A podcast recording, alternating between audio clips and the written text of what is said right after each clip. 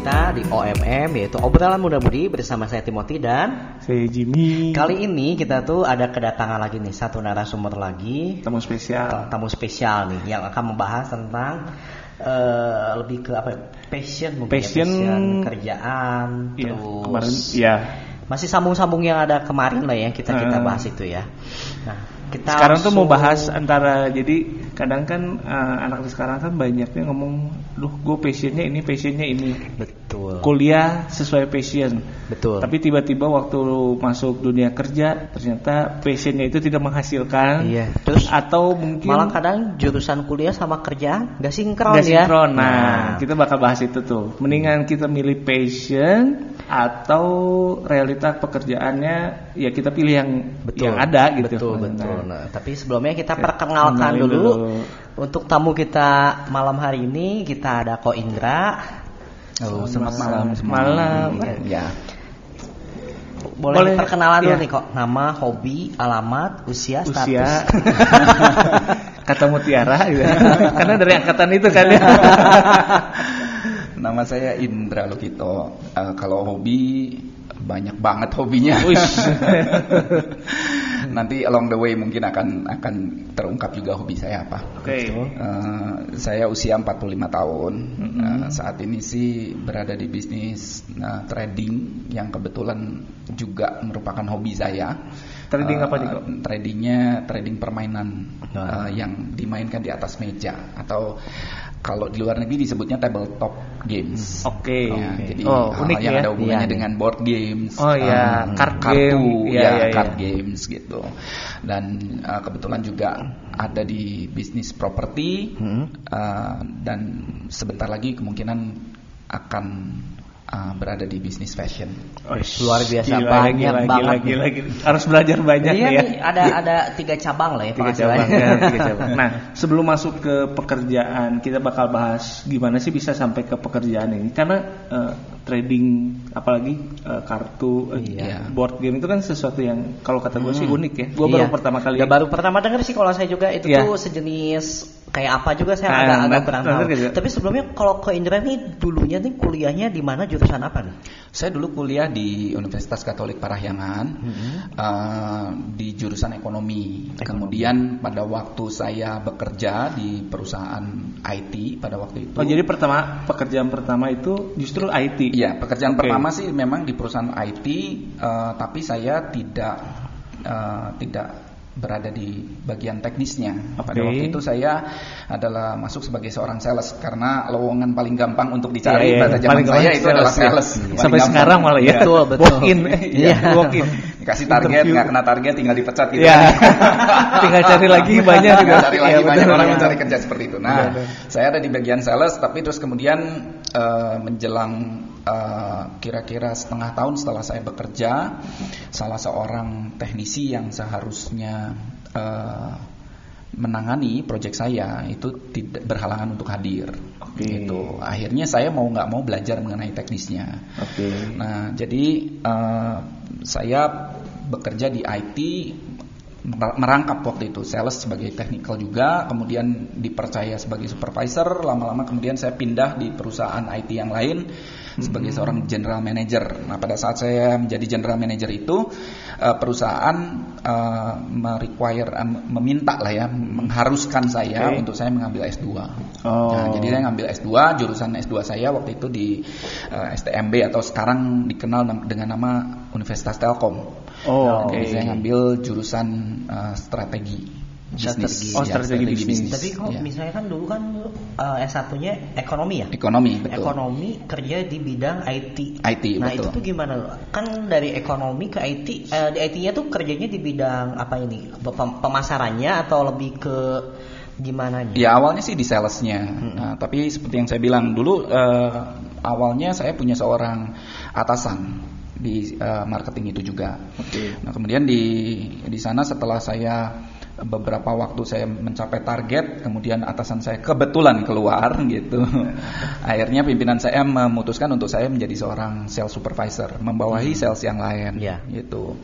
Nah, karena udah membawahi sales yang lain dan seperti yang saya ceritakan technical yang harusnya menangani salah satu proyek kami itu berhalangan hadir.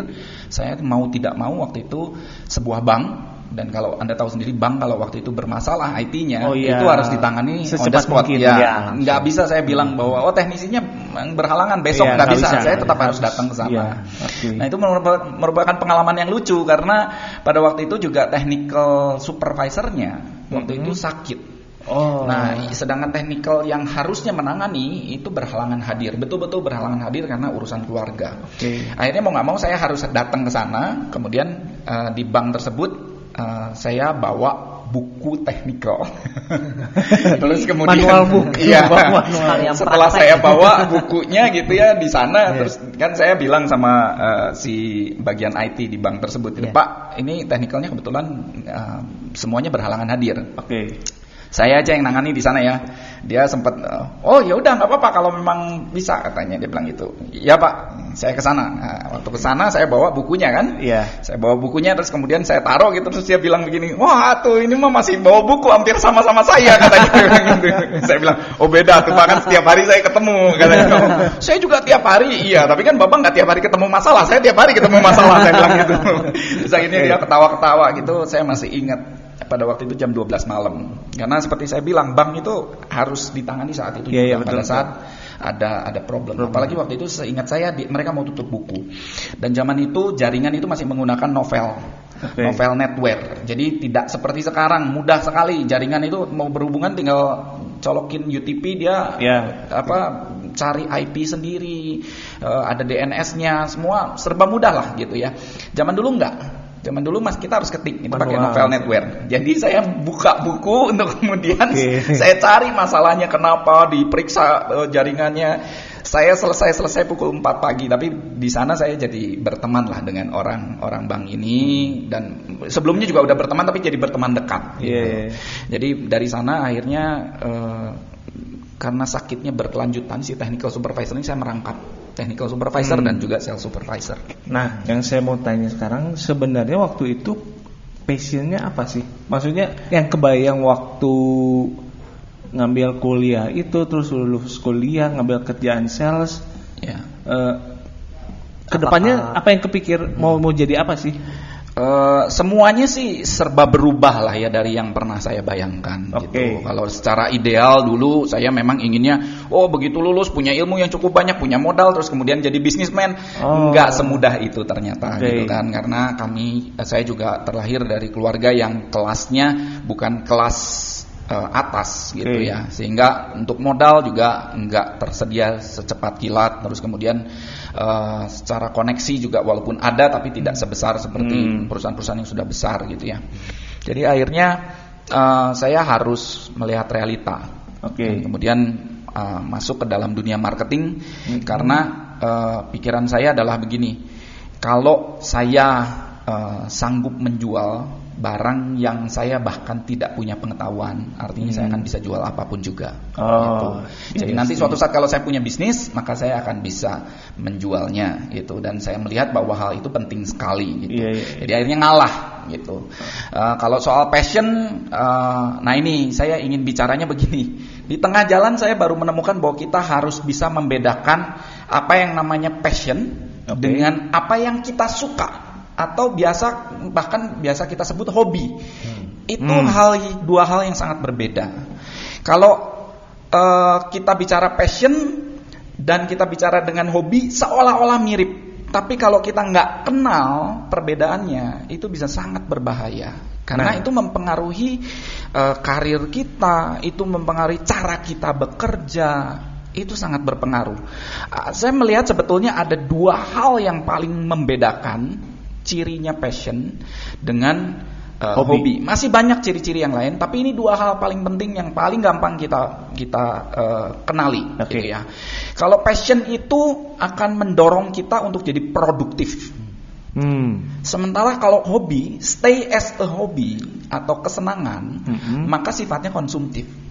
Perhatikan, misalkan kita bermain game, maka Oke. kita akan mengkonsumsi waktu kita, kita akan mengkonsumsi resource kita, entah uang untuk kita uh, Ya. beli gadget, walaupun gamenya gratis ya, tapi Iya, kan gadgetnya harus gadget dibeli. harus, ya. Itu adalah hal yang sifatnya konsumtif. Tapi passion itu akan mendorong kita buat jadi produktif. Jadi contohnya kalau seandainya oh saya passionate di game.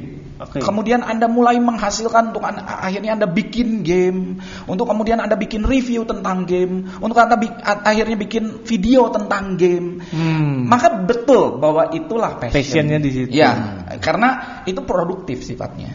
Tapi kalau misalkan sifatnya hanya konsumtif, saya nggak yakin bahwa itu adalah passion. Ah. Gitu. Yang kedua, yang paling penting, passion itu stand by the test of time and problem. Maksud saya begini, kalau kita eh, oh seneng yang ini, terus kemudian dalam beberapa waktu kita berubah kesenangannya, Ya. maka itu hanyalah hal yang menimbulkan kesenangan atau hobi sesaat. Oke. Tapi namanya passion itu akan bertahan. Hal yang lain lagi adalah begini, ketika itu merupakan passion Anda dan Anda harus melakukan hal yang misalkan Anda nggak suka, Anda tetap lakukan, itu passion. Contoh, kalau seandainya saya sangat passionate untuk bikin game, eh, untuk bikin video tentang game, Ya. karena passion saya di game. Ya. Terus kemudian saya nggak ngerti apa-apa tentang video, Gak bisa ngedit. saya nggak bisa ngedit, saya nggak bisa syuting, saya nggak Iya. bisa. Tapi anda karena passionate, anda ingin produktif seperti yang tadi saya bilang, dan walaupun berjalannya waktu udah sekian lama itu nggak padam, maka anda akan cari tahu gimana caranya bikin video, gimana caranya eh, dengan budget sekian anda bisa bikin video yang baik, dan Hmm. gimana caranya supaya ini bisa diupload dengan baik pula gitu. Hmm. Dan waktu kemudian diupload terus kemudian nggak ada orang yang subscribe, nggak ada orang yang suka. Terus kemudian Anda langsung ngerasa down, ah itu belum tentu passion. Ah. Karena kalau begitu Anda lihat kayak begitu terus eh, grafiknya baru naik, oh Baru- saya udah bikin 10 eh, video yang follow saya baru dua orang. Iya, iya, iya. Terus Anda berhenti. Itu belum tentu passion. Ah. Itu artinya Anda sedang melakukan hal yang kemungkinan Anda pikir Anda suka, Anda pikir itu adalah passion Anda. Iya. Tapi kalau orang yang passionate, maka dia akan jalanin terus dan perbaiki terus. Dia akan jadi produktif dan akan stand by the test of time ataupun problem seperti yang tadi saya bilang. Kalau orang-orang yang memang uh, passionate di sebuah bidang dan menjadikan itu sebagai sebuah bisnis, Anda akan tahu bahwa di dalam bisnis Anda mau nggak mau mesti belajar tentang akunting. Saya Hmm. beberapa kali ketemu dengan beberapa teman-teman yang mungkin konsultasi sama saya, dia bilang begini, oh saya sebetulnya ini adalah passion saya, tapi kenapa ini nggak berkembang? Kemudian saya tanya, oke kalau gitu laporan keuangan kamu mana? Saya nggak pernah Hmm. buat. Kenapa kamu nggak pernah buat? Saya bukan orang keuangan. Ya tetap Anda harus buat namanya bisnis. Itu Anda perlu laporan keuangan. Iya tapi saya nggak suka. Ya nggak apa-apa. Ini passion Anda kan? Iya. Hmm. Kalau gitu kerjakan atau cari jalan. Entah Anda gaji orang, entah gimana. Terus dia bilang saya nggak mau melakukan itu. Belum tentu itu passionnya. Ah, walaupun si pekerjaannya jalan. Iya. Sesuai dengan dia. Banyak problem, Oh, betul. oke. Tapi dia bilang bahwa itu adalah passionnya dia. Tapi dia mau, bahkan saya udah bisa lihat bahwa tanda-tandanya bahwa dia akan quit. Karena dia merasa bahwa oh ini sudah tidak sesuai. Betul bahwa ada saatnya di mana passion itu tidak sesuai realita sehingga anda harus mundur sementara, mungkin. Hmm. Ya, tapi eh, kadang-kadang passion anda juga memang harus anda tunda untuk bisa menemukan passion yang lain. Oke. Dan passion itu adalah sesuatu yang menurut saya juga bisa ditemukan ataupun bisa dimodifikasi. Contoh, saya eh, dulunya tidak terlalu suka dengan eh, bisnis garment. Oke. Nah, eh, tapi karena sesuatu hal, eh, karena pada waktu itu ayah saya sakit dan dokter mengatakan eh, Anda harus take over pekerjaan ayah Anda, Mm-mm. which is garment, gitu Oke. ya. Uh, atau kalau enggak ya ayah anda akan stroke untuk kesekian kalinya gitu. Jadi saya nggak punya pilihan. Akhirnya saya Hmm. ambil alih. Di tengah jalan saya menyadari bahwa ini bukanlah bidang yang saya suka. Gitu. Hmm. Karena ini bukan bidang yang saya suka. Saya merasa bahwa itu bukan passion saya. Ciri-cirinya nggak suka gimana? Iya bener-bener kayak nggak ada gairah gitu loh. Saya ngelihatnya aduh seperti ini orang ngejahit gitu. Itu bukan sesuatu yang saya suka. Oke. Karena saya nggak suka ya akhirnya kerjanya males-males. Iya. Nah, belakangan setelah akhirnya saya melalui berbagai macam masalah, saya baru menemukan bahwa saya bisa menemukan passion yang lain. Saya tidak perlu suka dengan soal jahitnya, tapi kalau saya menemukan passion, saya akan belajar mengenai hal itu. Hmm. Ternyata saya suka mengenai desainnya. Oh, Oh. fashion kalau didesain kayak begini, orang yang kelihatannya rapi, orang yang kelihatannya bagus, pakai baju seperti ini, itu saya suka. Iya, iya, Jadi iya. saya menemukan hal yang lain untuk menggantikan hal yang saya tadinya tidak suka. Mungkin kalau saya boleh kasih saran untuk beberapa teman-teman yang tadi ada pertanyaan kan, oh gimana ya kalau misalkan nggak sesuai dengan realita, temukan passion yang bisa menggantikan hal itu. Jadi misalkan, oh saya passionnya adalah di bidang melukis, tapi melukis di Indonesia sekarang nggak banyak dihargai, misalkan. Betul. ya. Ya. Ya. Misalnya itu. Misalkan seperti itu. Oh ternyata sekarang ada pekerjaan yang lain. Hmm. Pekerjaannya adalah yang yang jauh sih dari dari eh, melukis, tapi misalkan mendesain gitu. Saya rasa ambil aja dulu, Oh, oke. ambil aja dulu, karena nanti anda bisa temukan passion yang lain su- untuk suatu saat anda kembali kepada passion anda yang mula-mula. Kalau itu memang passion anda tidak akan padam. Hmm. Dan Anda tetap akan jadi produktif. Dan. Anda akan temukan cara gimana caranya supaya akhirnya passion Anda itu benar-benar menghasilkan walaupun ada problem. Oke. Kalaupun sekarang lukisan itu tidak eh, belum menghasilkan, Anda akan cari cara gimana caranya supaya akhirnya itu bisa menghasilkan di Indonesia. Hmm. Ya, memang tidak semua orang akan berhasil, tergantung kesempatan yang datang. Hmm. Ya, nah ada satu passion yang menurut saya semua orang pasti bisa mene- menemukan, ya, yaitu passion untuk menghasilkan uang yang banyak. Biasanya itu orang selalu Iya. ada. itu Saya- saya- semua orang pasti mau Iya. ya. Saya pengen jadi kaya itu biasanya ya ada sih orang yang Iya, iya. mau jadi kaya. Saya Iya, iya. saya nggak bisa men- mengeneralisasi. Tapi kebanyakan orang itu biasanya sih itu bisa dijadikan passion. Iya, Jadi iya. kalau seandainya oh ini pekerjaan saya, saya nggak suka nih apa segala macam menghasilkan nggak buat anda sekarang uangnya? Menghasilkan. Ya udah itu jadi passion anda. Gimana caranya supaya saya bisa bertahan hidup? Gimana caranya saya bisa menghasilkan uang lebih banyak? Kalau sekarang karirnya ternyata mentok gajinya segini, ya bikin supaya bos anda mikir ngas- ngasih anda gaji lebih besar. Itulah iya. passion anda gitu loh. Hmm. Jadi eh, saya lebih percaya kepada eh, kondisi di mana orang harus melihat saat ini bisakah realita itu memenuhi passion Anda. Hmm. Bukan passion Anda Anda dedetin ke dalam realita Anda. Dibalik Nah, berarti ya. Dibalik. Karena kebanyakan kebanyakan kita tidak seberuntung itu bahwa Hmm. kita bisa menjalankan eh, apa yang jadi passion kita untuk jadi hal yang menghasilkan buat kita. Oke. Eh, melanjutkan cerita tadi, kenapa kok dari tadinya punya pekerjaan terus kemudian sekarang saya punya bisnis yang hampir sesuai dengan passion saya, Iya. ya, Mhm. yaitu bermain game, Oke. Gamers. gamers, ya. Jadi ceritanya sih panjang sekali, tapi seperti saya bilang, dulu saya tidak punya tidak punya eh, passion ke arah eh, seperti eh, sales, marketing itu tidak ada. Tapi karena saya berpikir bahwa suatu saat saya akan punya bisnis game itu. Eh, Oh, udah- udah kepikiran itu? Udah kepikiran, Oke. tapi saya Bentuknya berarti butuh apa? Butuh banyak uang. Nah, kan seperti saya Nah, bilang iya, kan iya, itu iya. passion yang paling Iya, pertama iya, dulu paling gitu. gampang ya. punya banyak duit dulu gitu kan ya. Maka saya bekerja setengah mati untuk jadi seorang marketer yang handal. Saya seorang uh, introvert.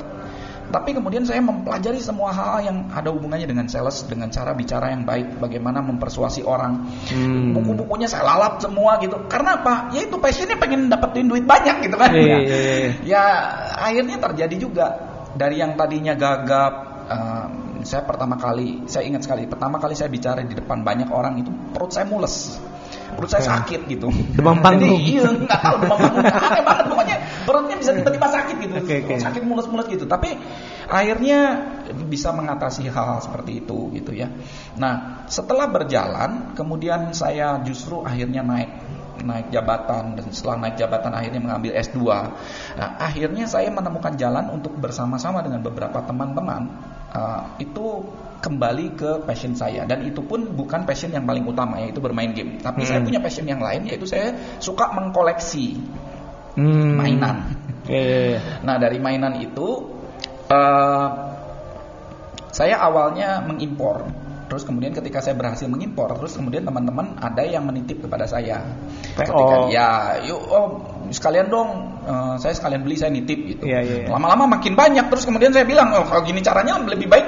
eh, Bukan, saya terus terang aja, ya. saya bilang aja ini sama saya sekarang diuntungin ya, saya bilang gitu. Oh iya, iya nggak apa-apa, asal jangan untung gede-gede katanya. Oh ya udah, saya gitu. Kumpulin dulu PO-nya itu kumpulin. Akhirnya saya punya order yang cukup besar sehingga akhirnya saya buka toko mainan. Oh. Setelah buka toko mainan akhirnya saya punya portfolio untuk akhirnya saya apply ke sebuah perusahaan game dan akhirnya ditunjuk sebagai distributor. Di situ saya harus memilih untuk melepaskan toko retail saya dan akhirnya saya lepas toko retail saya dan saya menjadi seorang distributor. Nah, sebentar, belum sebelum maju, waktu jualan eh, mainan itu koleksi, ya maksudnya PO sistem apa, ngumpulin PO dari teman-teman yang lain, itu masih kerja atau sudah keluar kerja? Posisinya masih kerja. Masih kerja. Posisinya masih kerja. Dan waktu diterima jadi distributor tunggal, akhirnya kerjaan tetapnya dilepas. Iya betul. Oh, oke. Betul. Boleh dilanjut. Ya, memang along the way juga eh, ada hal-hal yang terlalu panjang kalau harus diceritakan, Hmm, hmm, ya. sehingga mengalami, saya juga sempat mengalami masalah ekonomi. Itu pun saya harus kembali bekerja ulang. Oh, gitu. oke. Eh, tapi eh, bisnis yang saya Tapi berarti membuktikan itu, passionnya, karena kan udah Betul. udah udah udah sempet down. sudah sempat down, tapi saya pertahankan sampai sekarang ada Sampai dan akhirnya saya kembali lagi, lagi. ya. Ya, saya kembali lagi. Bisnisnya sendiri sebetulnya tidak mengalami penurunan, tapi karena saya mengalami masalah yang lain, Hmm. saya mengalami masalah ekonomi. Oke. Akhirnya saya bekerja ulang dan pada waktu itu eh, seorang mentor saya dia menawarkan sebuah pekerjaan untuk bekerja di sebuah perusahaan properti. Nah kalau Hmm. bicara soal properti, apakah itu passion saya? Bukan juga gitu. Iya, Tapi karena saya kebutuhan harus- itu, betul, saat itu. betul. Oke. Karena kebutuhannya saya terima. Oke, oke. Nah, kembali seperti yang saya bilang tadi bahwa saya punya passion, saya ingin nyetak uang supaya saya selamat dari kondisi ekonomi saya yang buruk gitu kan. ya, Iya, iya, iya. itu bisa dijadikan passion Iya, gitu. benar-benar. Nah, eh, akhirnya saya bekerja tapi kemudian saya menemukan passion yang lain. Saya menemukan bahwa oh saya pengen punya cita-cita untuk akhirnya memiliki rumah dengan desain seperti ini, dengan konsep perumahan seperti ini. Nah, itu saya kejar. Oh. Sehingga akhirnya ketika saya sudah menyelesaikan tugas saya di uh, perusahaan properti tersebut, terus kemudian ya sepakat untuk akhirnya saya mengundurkan diri, saya mendirikan sebuah perusahaan properti. Hmm, I see, I see. Jadi Eh, sebentar potong. Nah, kalau untuk bicara nanti kan passion sama eh, apa yang tadi eh, karena kebutuhan ekonomi gitu. ya. Ya. Karena kan kalau pada saat sekarang itu kan banyak orang kerja tuh karena bukan passionnya tapi karena butuh Ya. gitu kan. Dan itu kan bukan suatu hal yang sedikit tapi sekarang kan udah sangat banyak ya orang yang Betul. kerja tuh karena bukan passionnya di situ tapi karena butuh. gitu akhirnya kan. melupakan passionnya yang Iya. awal. Akhirnya jadi passionnya itu berganti gitu kan. Dia mencoba untuk eh, mencoba apa yang dikerjain itu jadi passion dia yang baru gitu Iya. kan. Dan gak semua orang kan bisa eh, kerja sesuai dengan passionnya masing-masing gitu. Betul. Nah kalau untuk saat ini gitu ya, menurut Ko Indra, gimana sih caranya buat eh, apa ya? Supaya kita tuh nggak ya langsung down gitu ya pada saat kita nggak bisa ngelakuin apa yang jadi passion kita tapi kita harus beralih passion karena faktor ada eh, di luar itu misalnya kayak tuntutan kebutuhan hidup dan sebagainya gitu Ya, makanya seperti yang saya bilang tadi, Anda perlu cek apakah itu adalah passion ataukah itu hanya sekedar hobi. Ada satu ciri lagi, saya tadi kan sempat bilang ya ada beberapa ciri, tapi saya Oke. hanya sebutkan dua. Nah, saya mau kasih yang ketiga. Passion itu will give you energy more, ya. Oke. Sementara kalau hobi atau rekreasi sifatnya dalam merestor energi Anda. Jadi misalkan maksimumnya Hmm. Anda itu adalah 100, maka ketika Anda lakukan rekreasi ya ketika Anda lakukan hobi Anda, maka energi Anda akan diboost sampai akhirnya penuh lagi Ya. jadi 100. Tapi kalau yang namanya passion, ketika dari 100 itu Anda udah pakai sampai dipletit, sampai udah habis sepertinya udah nol, Anda udah capek sekali, badan tuh udah kelihatannya udah nggak memungkinkan, Hmm. kondisi sepertinya udah menjepit Anda dan kelihatannya Anda udah harusnya putus asa, namanya passion itu akan dorong Anda ngasih lagi energi tambahan. Itu Oh. salah satu perbedaan yang kedua, eh, ketiga. Iya. Oke. Ya, nah kalau anda betul-betul punya passion dan anda termotivasi sekali oleh passion anda, karena passion itu biasanya akan jadi drive buat anda, akan jadi Iya. motivasi buat anda. Iya. Maka walaupun misalkan kondisinya sekarang, oh ya udah, saya terpaksa harus menerima pekerjaan yang sebetulnya saya tidak suka. Tapi Hmm. seperti yang tadi saya bilang, passion yang tadinya, yang sebelumnya kita tinggalin, itu akan dorong anda untuk melakukan pekerjaan yang sekarang itu sebaik mungkin. Karena kalau Anda lakukan kerjaan Anda sebaik mungkin, cepat atau lambat akan ada orang yang menghargai Anda. Oh, Jadi kalau oke. perusahaan yang sekarang tidak bisa menghargai Anda, yang berikutnya itu akan menghargai Anda. Which mean penghasilan Anda pun akan ber- uh, Bertambah. tambah baik, karir Ya. Anda pun akan tambah baik. Dan Ya. ketika karir Anda tambah baik, Anda akan bisa support passion Anda yang lama. Iya. Ataupun kalau misalkan Anda tidak tidak bisa kembali ke passion yang lama, Anda mau ganti passion Anda, selama itu punya ciri-ciri yang tadi saya sebutkan, maka sebetulnya itu tidak apa-apa. Karena hidup Anda tuh akan bergairah gitu loh. Iya, iya, iya. Ya, dan saya kadang-kadang eh, menemukan ada kasus-kasus di mana Anda baru sadar bahwa itulah passion Anda. Hmm. Sebelumnya tidak sadar. Iya, iya, iya. Itu sangat mungkin. Jadi nggak usah nggak usah down dulu gara-gara oh ini tidak sesuai dengan passion yang barusan saya pikirkan, yang saya rasa itu sebetulnya passion. Hmm. Nggak usah down dulu. Dalam kenyataannya, along the way bisa jadi yang anda paksakan bahwa oh yaudah deh saya bekerja di sini karena ini sebuah tuntutan gitu. Hmm. Kondisi yang sekarang saya punya nggak apa-apa. Kadang-kadang anda bisa menemukan passion di situ. Hmm. Itu seperti saya menemukan passion eh, sebagai orang yang suka ngedesain justru udah cukup Nah, usianya udah udah lewat dari kepala tiga. Dan eh, juga eh, passion mengenai eh, mengajar. Saya juga baru tahu bahwa saya punya passion untuk ngajar gitu. Itu juga setelah kepala tiga gitu. Itu along the way. Tapi kalau misalnya eh, ada orang yang bilang gini ya, ya. Misalnya dia kerja di suatu perusahaan eh, distributor gitu. Eh, istilahnya jam lah ya. Nah, udah gitu eh, dia tuh bilang gini, "Eh, gimana sih kamu bisa passion sama kerjaan kamu kalau kamu aja nggak pakai apa yang dijual sama kamu gitu. Setuju nggak gitu kok Indra sama hal kayak gitu. Jadi ibaratnya kok Indra jualan jam, kok Indra sendiri nggak pakai jamnya, terus Iya. dibilang ah kamu pasti nggak nggak ada passion di bidang itu. Hmm. Kalau untuk itu sih eh, tergantung kondisi. Ya. Apakah anda melihat eh, semua eh, sales promotional girl Hmm. di eh, pameran mobil memiliki mobil tersebut, memakai mobil tersebut untuk mereka sehari-hari kerja? Iya. Sales promotional girlnya Lamborghini, apakah dia pakai Lamborghini tiap hari? Enggak. Enggak. Hmm. Ya, jadi menurut saya bagaimana Kondisi kondisi. ya. Ya. Dalam beberapa kasus memang hal itu harus diterapkan. Hmm. Contoh, misalkan saya mau bilang bahwa eh, saya percaya penuh bahwa eh, obat ini mampu menumbuhkan eh, rambut, Hmm. tapi saya botak Iya. itu akan sangat sulit sekali Iya, gitu. benar, benar, benar. Anda pakai dulu gitu Iya, memang dan iya, kemudian iya, Anda iya, tumbuhkan. Terus iya. Anda punya bukti dari orang yang Nah, botak terus kemudian Anda punya punya rambut. Nah, itu wajar kalau menurut saya. Anda harus pakai. Iya, bukti nyata itu. Itu bukti nyata. Iya. Kalau jam gray area lah. Iya. Kalau Anda jualan Rolex Anda harus punya Rolex sementara Anda karyawan. Iya. Ya itu namanya Anda bunuh diri gitu. Iya. Ya kecuali perusahaan Rolexnya ngasih ke Anda ini pakai Iya, ya. iya. Kamu pakai setiap hari kamu harus pakai karena Anda jualannya ini. Ya udah silakan. Iya. Hmm. Pakai.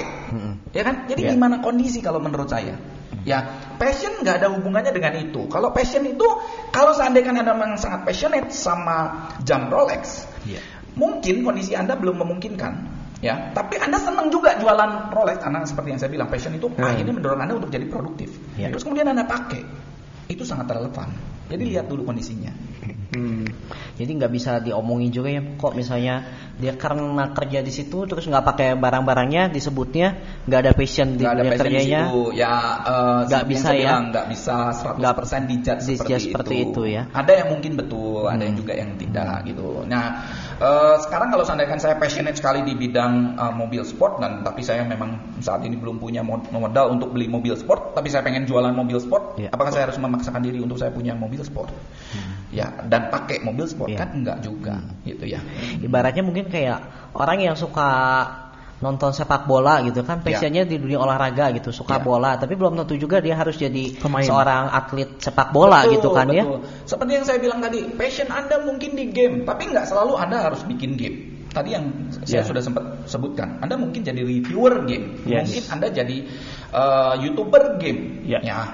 Atau hal yang mungkin paling kecil di antara bikin gamenya mungkin, ya Anda cuma ngisi Hmm. suaranya game, tapi Anda memang passionate di situ ya sudah gitu loh. Hmm. Jadi passion itu bentuknya macam-macam, tapi akan mendorong Anda untuk jadi produktif. Hmm, Oke. oke Nah, sekarang pertanyaannya eh, ini untuk misalnya gua baru baru SMA nih. Ya.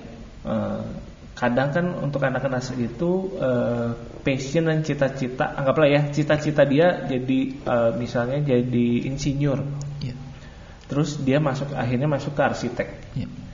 dan setelah itu ternyata di tengah jalan ternyata dia eh, untuk kuliah arsitek itu dia berat banget itu ternyata Iya. dia nggak suka ngegambar Iya. dia ternyata nggak suka mungkin ada hitung-hitungan yang dia suka nah eh, mensiasatinya gitu gimana apakah nanti begitu lulus ah mungkin dia akhirnya lulus kuliah arsitek apakah dia harus melanjutkan untuk eh, kerja di bidang itu atau atau gimana Ya. kalau salah satu saran dari Koindra Ya, itulah yang tadi saya sempat sebutkan kan, adalah berbahaya sekali ketika kita nggak bisa memisahkan atau membedakan mana yang merupakan kesenangan dengan Hmm. passion.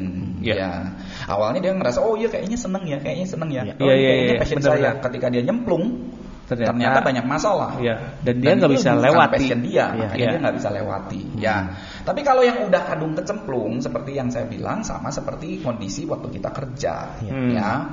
Lihat kondisinya apakah memungkinkan buat anda switch. Hmm. Kalau memang anda bisa switch, anda punya uang untuk itu, oh, anda masih muda misalkan ya silakan aja. Tapi kalau orang tua pas-pasan anda mau paksain untuk itu, itu namanya tidak tahu berterima kasih. Hmm. Ya, lebih baik memang temukan passion di tengah kesulitan se- tersebut. Seperti yang saya bilang, saya waktu kalau kesulitan udah paling akhir ngerjain sesuatu yang saya sangat nggak suka, maka saya akan lihatnya begini. Ini saya lakukan karena saya ingin menghasilkan uang. Itu passion saya paling besar ya. Udah gitu Oh, jalan iya, gitu. iya. Akhirnya beres juga gitu ya. kan. itu kan salah satu contoh. Iya, iya, iya. Ya, itu salah satu contoh. Nah, ada satu buku dari eh, Malcolm Gladwell namanya Outliers. Itu saya sangat sarankan untuk dibaca. Dia bilang begini, Anda kalau mau sukses, Hmm. sukses itu rumusnya adalah kesempatan bertemu dengan kesiapan. Nah, betul. betul. Hmm, oke. Jadi kalau Anda siap, tapi Anda nggak pernah dapat kesempatannya, maka Nggak ini nggak sukses. sukses, susah, susah sukses Iya. gitu. Anda seorang penyanyi yang handal tapi nggak ada produser yang tahu. Eh, zaman sekarang sih gampang, mungkin tinggal upload ke YouTube. Iya. Tapi mungkin Anda nggak nggak terlalu eh, beruntung juga karena nggak ada kesempatan teman-teman yang mau Nggak viral gitu ya. oh, Iya. nge-share jadi nggak viral ya tetap juga nggak Iya, bisa iya, gitu kan, walaupun betul. lebih Iya. mudah gitu. Atau ada, misalkan ada kesempatannya tapi Anda nggak siap, maka itu juga nggak bisa sukses. Hmm. Nah, segala sesuatu yang sedang Anda pelajari di sekolah itu adalah untuk membuat Anda siap. Jadi jangan berpikir kalau seandainya oh lagi sekolah nih gitu. Anda belum tahu, mungkin di situ Anda nggak suka gitu. Tapi Anda belajar nih untuk mengatasi hal itu. Karena passion Anda adalah Anda ingin suatu saat di wisuda gitulah ya. Bikin ibu Anda bangga. Walaupun ini udah kadung nyemplung nih, ternyata bukan sesuatu yang saya suka. Saya nggak bisa ngegambar, saya nggak bisa Hmm. ini, hitungan saya payah ternyata apa segala macam. Tapi aku akhirnya lulus. nih. Yang penting lulus karena ibu saya eh, ini sekali apa meng- mengharapkan Ya. saya eh, lulus. Nah, tapi kemudian datang juga kesempatan itu. Hmm. Salah satu karya yang sebetulnya nggak terlalu bagus menurut dosen Anda, tapi menurut seorang developer, oh ini unik nih gitu. Iya, iya. Terus kemudian Anda di hire, digaji tinggi sekali. Apa? Enggak. Iya. Hal yang just, iya, sayang ya. sekali kalau Iya. sama kita dibuang begitu Betul, saja. betul, betul. Kita nggak mau sekolah dengan baik begitu kan? Hmm. Ya, yang saya ingin tekankan adalah temukan passion yang membuat anda itu bisa bekerja sebaik mungkin, ber- belajar sebaik mungkin. Ya, sesuai waktu jadi sesuai Oh. eh, perjalanan waktu aja Ya. gitu ya kalau misalnya memang kita passion belum itu nggak harus selalu sesuatu yang membuat kita senang saat ini. Oke. Ya enggak. Jadi seperti yang saya bilang orang menyalahartikan eh, passion itu sesuatu yang oh, pokoknya saya senang meng- mengerjakannya enggak. Iya, Lihat iya. dulu ya. Iya. Eh, uji dulu sama waktu ya uji dengan waktu terus eh, passion itu yang tadi seperti saya bilang ya jadi dia akan memberikan anda energi lebih gitu kalau seperti yang saya bilang kalau anda punya cita-cita bahwa orang tua anda akan bangga ketika anda wisuda itu dijadikan passion itu udah jadi sesuatu yang jadi drive yang besar gitu ya itu passion oke. Oke. Terus misalnya nih kok kalau untuk saat ini ya, kan banyak eh, orang punya passionnya sekarang eh, udah apa ya istilahnya udah kalau kata orang zaman dulu tuh udah mulai nggak nggak apa ya nggak sesuai sama kepribadiannya gitu ya. misalnya yang perempuan passionnya pengen jadi montir. Yang laki-laki ada yang pengen passionnya malah jadi desainer atau make up gitu ya. Ya. misalnya kalau untuk Ko Indra sendiri sebagai orang tua gitu punya anak sekarang. Misalnya kalau tiba-tiba si anak passionnya pengen jadi seorang desainer baju gitu Ya. Baju cewek lagi. Iya baju cewek gitu kan sekarang kan banyaknya gitu bikinin doang ranting dan gitu-gitu. Kalau untuk Coindress sendiri untuk melihat dan mengatasi hal kayak gitu tuh gimana sih? Apakah itu tuh uh, akan Coindress support gitu karena tahu itu passionnya dan dia tuh benar-benar tekun walaupun dia sebenarnya nggak bisa gambar dia sampai mau belajar mau segala macam mencoba gitu itu gimana? Ya seperti yang saya bilang kalau memang itu jadi passionnya dia maka kalaupun kalaupun ini ya kalaupun orang tuanya menghalangi uh, dia akan membuktikan bahwa hal itu adalah hal yang produktif.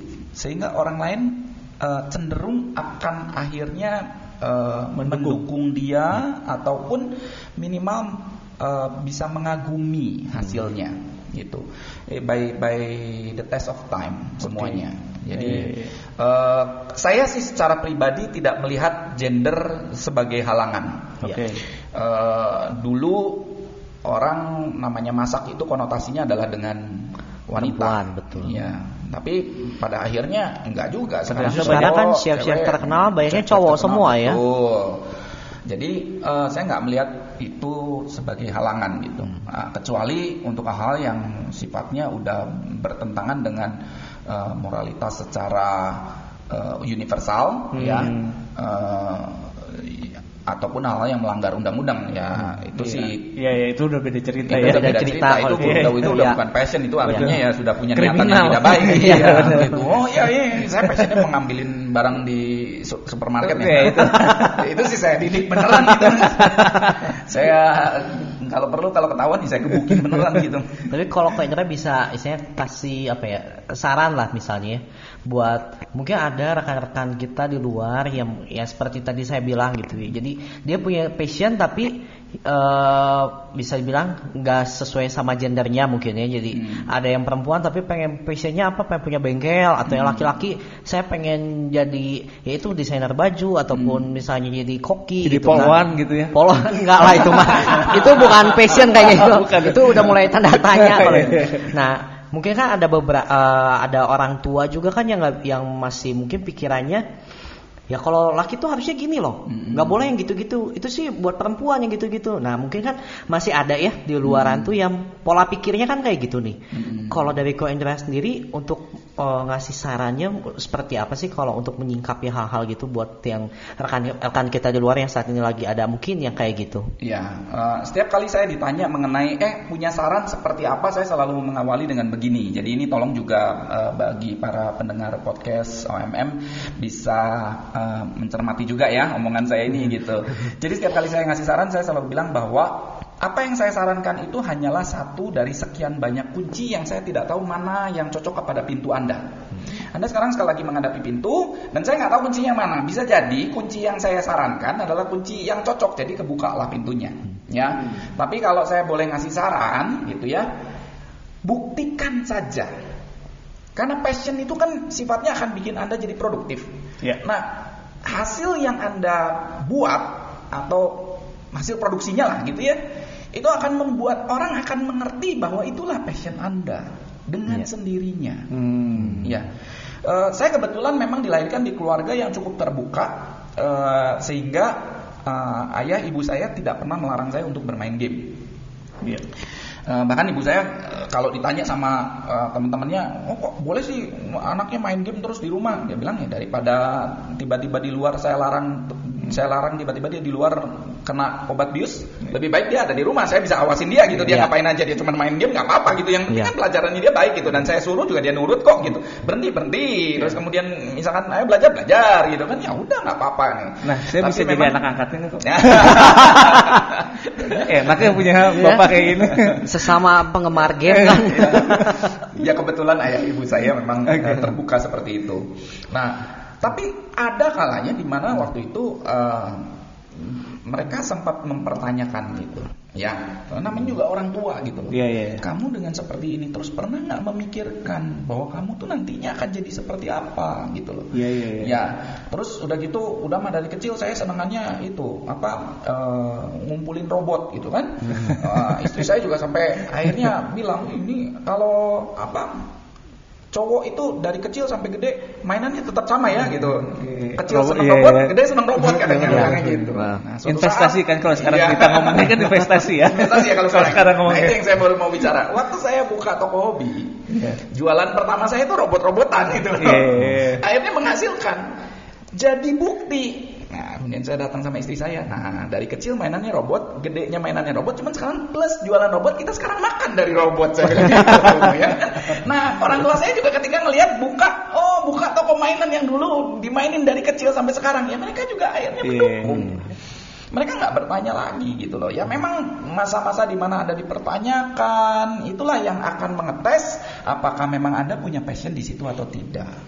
Ya, eh, saran saya adalah buktikan saja. Kalau memang itu passionnya anda, anda tidak akan mundur, anda akan buktikan dan anda akan produktif. Hmm. Seperti saya bilang, kalau anda membuktikannya dengan cara konsumtif, hati-hati. Itu mungkin anda sedang melayani kesenangan diri anda sendiri. Ah. Contoh, anda main game, udah anda nggak mau kerja, Iya. Nah, Terus anda bilang, "Ih, karena passion saya tuh ini. Apa yang anda hasilkan dari main Iya. game? Iya, iya. Kalau dari main game itu anda bikin review, anda dibayar, Iya. artikel anda dibayar, itu baru passionnya anda. Dan kalau anda bisa menghidupi diri sendiri atau bahkan anda ngasih ke orang tua anda yang awalnya mungkin mengkritik anda, hmm. mereka akan diem kok.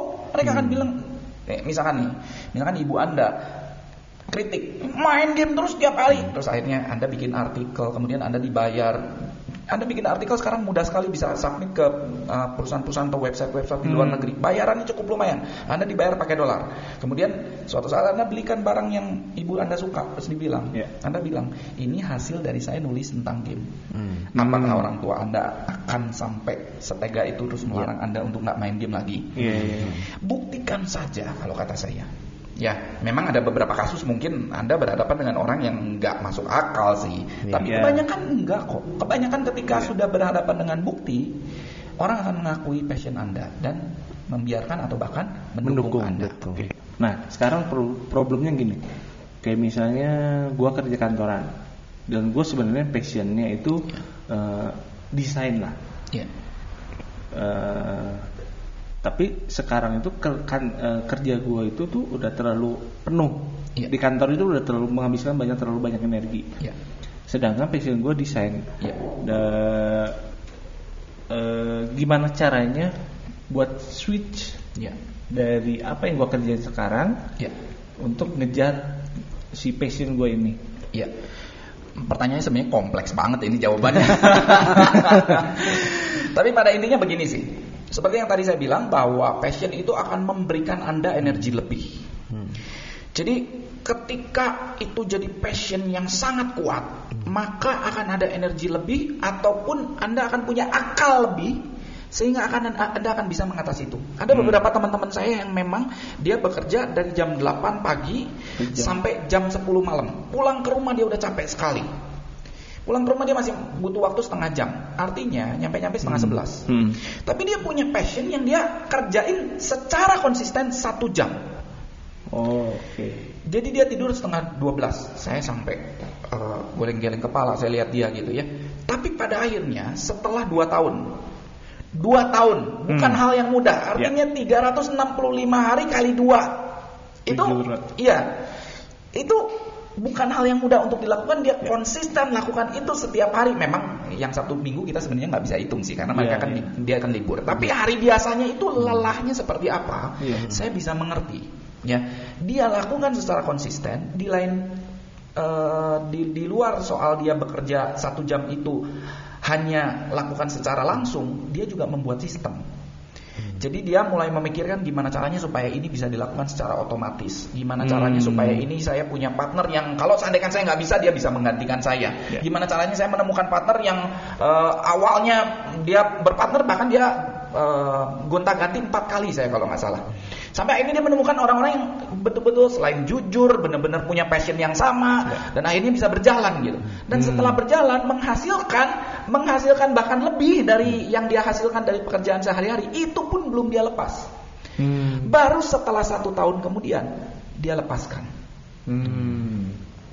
ya kalau orang yang passionate yang seperti ini kalau saya lihat gitu ya dia akan cari jalan, dia nggak putus asa, mungkin saat ini masih butuh, Yeah, yeah. dia pikirkan lagi caranya, dia bersemangat gitu ya, dia e, mendisiplinkan diri. Saya kadang-kadang nanya sama dia, kalau lagi capek kayak begitu gimana? Ya gue pikirin aja, kalau seandainya ini berhasil, oh betapa enaknya katanya dia bilang gitu. Hmm. Jadi akhirnya dia tetap jalanin gitu, dan akhirnya dia berhasil juga gitu. Iya, iya. setelah dua tahun ya perjuangan. Ya, dua tahun itu sebetulnya udah berhasil dan kalau hitungan saya sebenarnya dia udah bisa lepas, tapi dia nggak lepas pekerjaan sampai satu tahun kemudian. Hmm. Nah terus kalau untuk zaman sekarang gitu, kan banyak nih eh, anak-anak muda yang masih belum tahu nih passionnya dia tuh mau jadi apa sih? Terutama kan apalagi masih SMA, masih kuliah, mereka kan cuman ya udah ngikutin alur aja yang ada dulu gitu kan. Mau nantinya gimana, ya udah aja dia cuma ngikutin aja. Ya. Buat eh, saran mungkin ya dari Ko Indra buat anak-anak muda sekarang nih Ya. yang masih belum tahu passionnya tuh mereka tuh di bidang apa sih gitu kan? Ya. Itu apa nih? Ya, eh, saran saya gini sih. Memang passion biasanya biasanya dimulai dari hal yang kita suka dulu. Ya. Tapi yang seperti tadi saya bilang nanti di tengah jalan cek dulu. Apakah ini memang hal yang saya sekedar suka, hobi saya, ataukah ini passion saya? Nantinya dicek. Tapi untuk bisa menemukan passionnya, banyak yang memulai dari hal yang seneng itu adalah dia bergabung dulu dengan komunitas yang eh, hampir sama. Ya, nah memang kita harus pilih-pilih komunitas yang bisa mendukung kita atau malah justru merusak kita. Hmm. Ya, kalau itu mendorong kita untuk jadi produktif, nah cermati produktivitas kita makin lama makin meningkat dan konsisten atau tidak. Kalau itu konsisten, itu udah pasti passionnya. Hmm. Kalau kita dengan eh, bergabung dengan orang-orang yang pada senang main game, terus kemudian kita mengusahakan sesuatu, akhirnya kita bikin game bersama-sama dengan teman kita, dan kita lakukan itu secara konsisten, maka itu udah pasti passionnya. Saya punya beberapa teman-teman, mungkin Anda kenal dengan sebuah perusahaan di Indonesia eh, namanya Agate. Ini anak-anaknya ini, mereka pertama kali mulai, mereka sepakat gaji mereka 50.000 ribu per bulan. Hmm. Dan mereka lakukan itu. 50.000 ribu bisa hidup dari mana? Ya. Betul, tapi mereka jalan terus. Kalau sekarang Anda cek, itu seed round investment ke mereka yang saat ini terjadi, itu udah di luar angka yang 50 ribu itu entah udah berapa berapa juta lebih berapa ratus juta kali lipatnya Iya, gitu. iya, iya. Itu udah luar biasa sekali. Itu menandakan bahwa itu adalah passion. Jadi saran saya coba mulain nggak apa-apa dari hal yang seneng bergabung dengan komunitas-komunitas yang kelihatannya sama. Cek, saya jadi produktif enggak?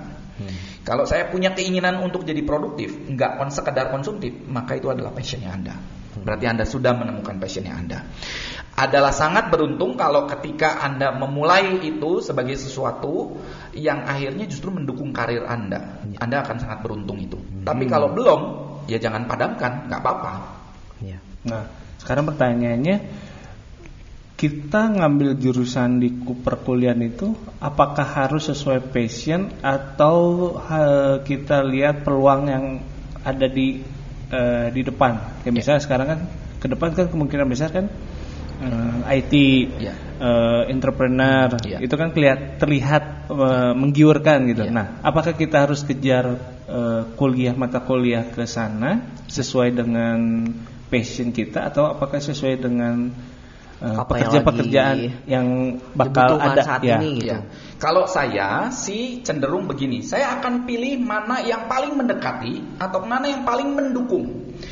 Alasan saya kenapa pada waktu itu saya memilih uh, ekonomi Ya. adalah itulah adalah yang paling mendukung buat saya uh, punya passion yang mana pun.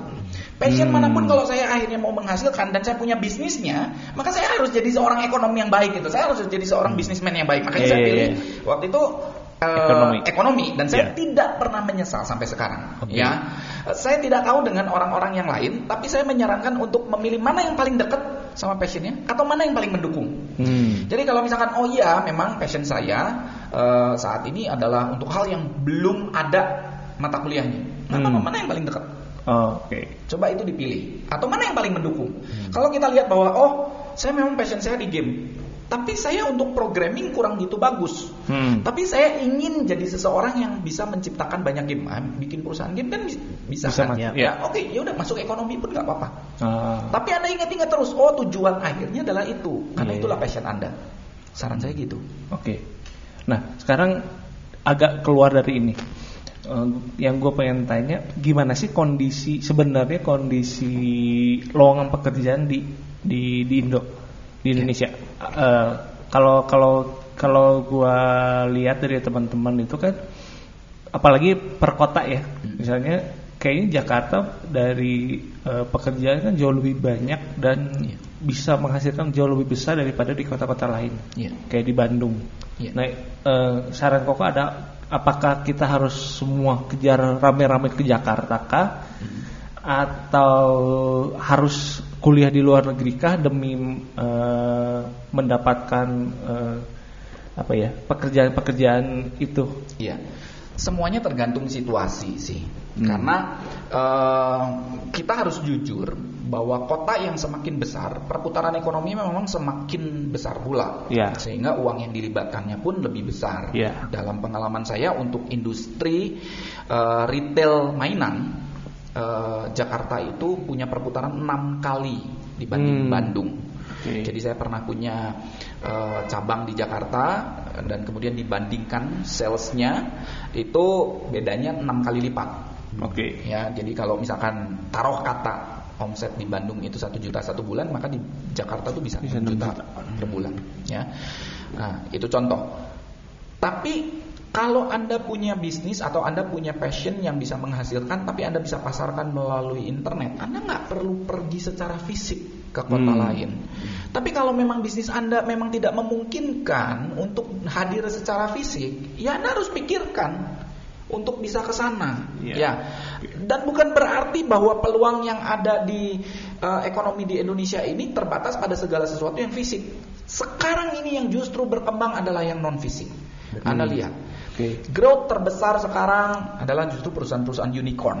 Ya. Ya, startup startup. lah, startup startup yang di Indonesia justru mereka nggak butuh hadir secara fisik.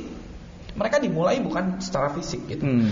Tapi biar gimana pun ya tetap harus dipikirkan pengaruhnya kalau di Jakarta seperti apa, apakah harus punya cabang atau tidak. Iya, iya, Itunya iya. semua harus diperhitungkan.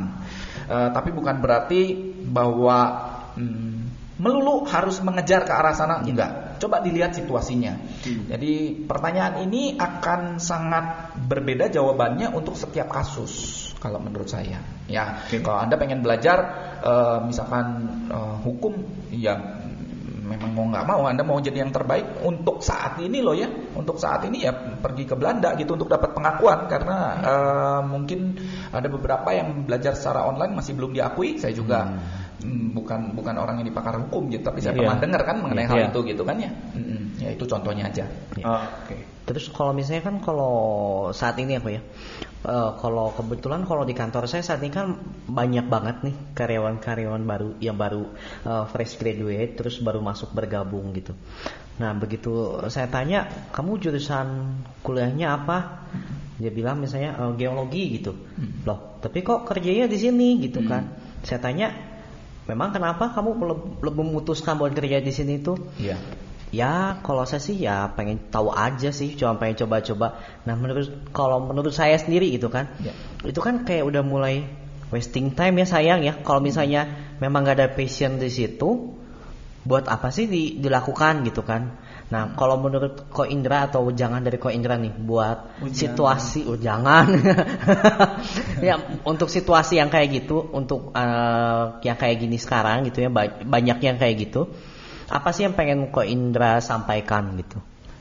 Eh, saya tidak bisa menjudge kondisi seseorang karena jawaban untuk eh, satu pertanyaan eh, dan saya tidak tahu situasi dia hidupnya seperti apa. Saya tidak tahu. Jadi rasanya saya terlalu cepat menghakimi kalau saya bilang oh dia salah, oh dia benar gitu. Itu terlalu cepat. Eh, buat saya yang paling penting adalah begini. Kalau memang dia coba karena dia ingin tahu apakah dia punya passion di situ, itu hak dia. Ya. Eh, seperti yang saya bilang, waktu yang akan membuktikan apakah dia punya passion di situ atau tidak. Waktu yang akan membuktikan. Memang dalam beberapa kasus kita bisa cek langsung apakah orang ini punya passion atau tidak. Salah satu hal yang paling terkenal dari eh, Sir Alex Ferguson, saya seorang eh, yang sangat seneng gitu nonton sepak bola ya. Manchester United. Iya Manchester United itu salah satu yang saya kagumi lah ya Sir Alex Ferguson. Dulu itu tiap kali dia melakukan interview dengan eh, pemain sepak bola yang akan masuk ke Manchester United, walaupun dia pilihan dia, ini pilihan dia, Iya. dia akan bertanya seperti ini. Apa yang kamu pikir bisa kamu lakukan untuk Manchester United? Dan apa yang kamu lihat kamu bisa sukai dari Manchester United? Hmm. Jadi sebelum dia ngobrol tentang gaji, ngobrol tentang berapa fasilitasnya seperti apa, berapa lama Anda akan ada di sini, yang dia tanya itu dulu. Nah, memang ada beberapa kasus yang kita bisa tanya seperti itu. Tapi kan nggak semua pekerjaan bisa kita tanya seperti itu, ya kan? Kayak misalkan, oh ya kamu di mana geologi? Oh ya kamu punya passion nggak di sales? Nggak tahu pak, saya lagi nyoba-nyoba. Ya, saya nggak Iya, tahu juga. Siapa iya, tahu iya. dia sales yang handal kan? Iya, gitu betul, betul. Karena saya punya beberapa sales yang dulu waktu saya bawahi ketika saya jadi seorang sales manager, itu jurusannya memang lain sekali gitu Iya, loh. iya, iya. Dan waktu pertama kali ditanya dia bilang, "Kenapa kamu bisa ada di sini?" Saya tanya begitu kan sama dia. "Iya, Pak, Ya, saya bakat, kerjaan Pak." aja. Iya, dia bakat katanya dia bilang bakatinku butuh. Jangan karena Iya. saya butuh katanya dia Iya, bilang iya. gitu. Itu Sundanya gitu kan. Ya nggak salah juga gitu. Jadi saya tidak bisa menjudge apakah itu benar atau tidak. Kalau jangan saya pikir kembali untuk urusan passion eh, Anda buktikan betulkah memang tempat Anda di sini atau tidak. Hmm. Sebagai atasan sama, cek aja bawahan Anda betul nggak tempat dia di situ atau tidak. Hmm. Ya, walaupun dia geologi, tapi seandainya Anda arahkan, dia mau nurutin, pertahankan dia. Hmm. Artinya dia punya sikap baik, Iya. ya kan? Dan kalaupun itu bukan passion dia, tapi dia punya passion yang lain yang mendorong dia untuk akhirnya nurutin Anda. Pertahanin orang seperti ini. Ya, yang perlu dilihat adalah spiritnya. Nah, satu pertanyaan yang se, apa berhubungan sama tadi. Eh, apa yang kira-kira harus dilakuin MU sekarang kok? MU Kok jadi Di, MU ini? di urutannya nggak ada kok, 10 besar nggak ada loh. Iya. Tadinya dipikir yang special one bisa ini ya, Iya, aduh, bisa bagus ya. ternyata enggak ya. Ternyata ini melempem juga Melempem. gitu ya. Nggak ada itu di urutan Di urutan halaman pertama nggak ada. Iya, nggak tahu tuh oleh Gunnar Solskjaer bisa sampai segimana gitu ya. Nggak tahu ya. Eta. Ya, itu sih urusan mereka. Saya saran kayaknya itu. Mungkin dia passionnya bukan di situ kok. Iya. Saya passionnya nonton mereka doang. Iya, iya, iya. Nah, eh, Kalau dari saya nih kok ya, Ya. ada satu pertanyaan lagi yang, yang pengen saya tanyakan. Hmm. Kalau untuk saat ini kan banyak banget eh, orang tua yang dulunya misalnya mereka punya passionnya pengen jadi seorang arsitek, Ya. tapi karena yaitu karena ada faktor di luar itu yang membuat mereka tuh gak bisa mewujudkan passion mereka gitu kan. Ya. Akhirnya mereka paksakan passion mereka itu ke anaknya gitu, Ya. sehingga sebenarnya anaknya tuh nggak punya passion di bidang itu. Ya. Akhirnya si anaknya mau nggak mau ya udah harus harus nurut gitu. Nah itu gimana nih? Eh, dalam kondisi itu seperti yang saya bilang juga, apakah eh, motivasi untuk menyenangkan orang tua itu sangat besar sehingga dia bisa mengalahkan semua tekanan? Kalau memang iya, berarti dia punya passion untuk betul-betul membahagiakan orang, membahagiakan orang tuanya. hmm. By the test of time, dia akan bisa bahagiakan dan walaupun itu bukan bidang yang dia suka, Ya.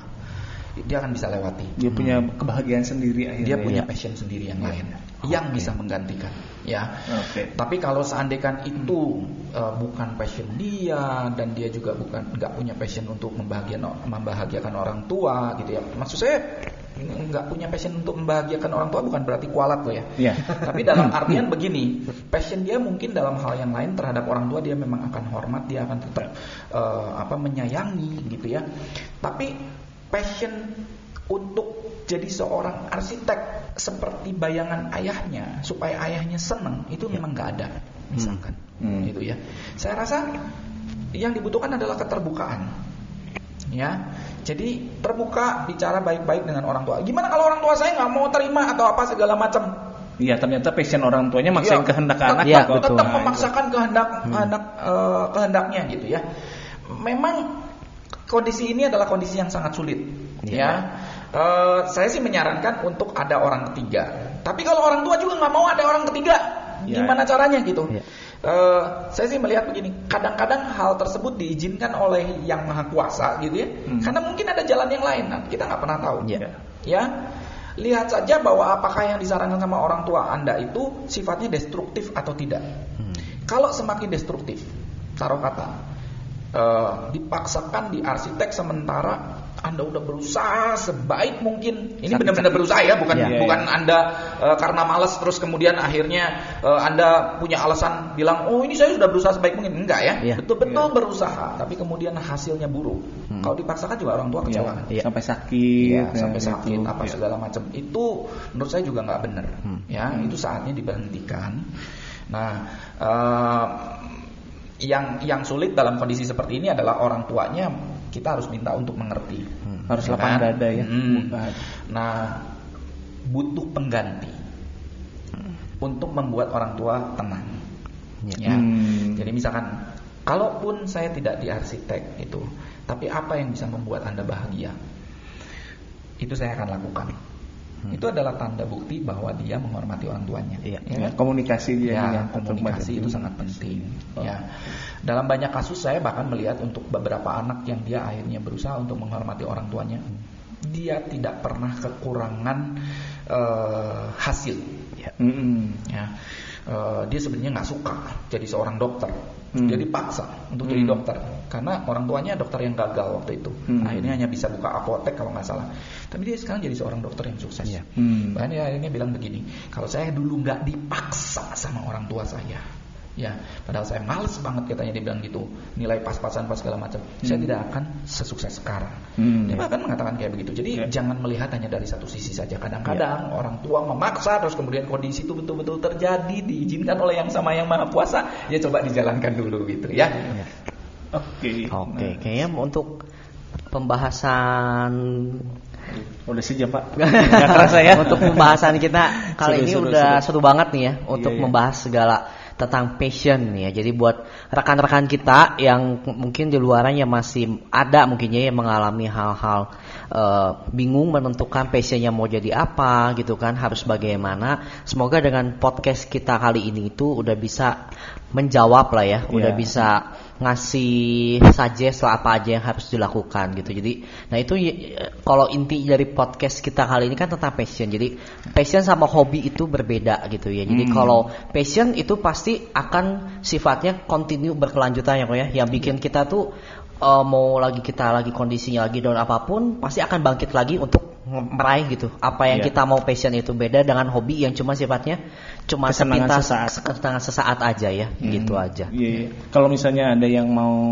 nanya-nanya juga bisa ke i- Instagram kali ya. Karena Bisa. kan di Spotify kan nggak bisa ya, nggak bisa komen apa. Iya, mungkin Instagrammu? kalau Hah? Instagramnya apa? Kalau Instagram saya ada di @timothy_timo. Kalau saya Jimmy Yakobus. Kok Pak? Oke. Oh, nggak pakai. Oke. Oke. Ke kita aja ya, nanti kita sampaikan ke Iya, atau mau ninggalin nomor telepon kok. hotline mungkin 24 jam. Iya. Oke oke.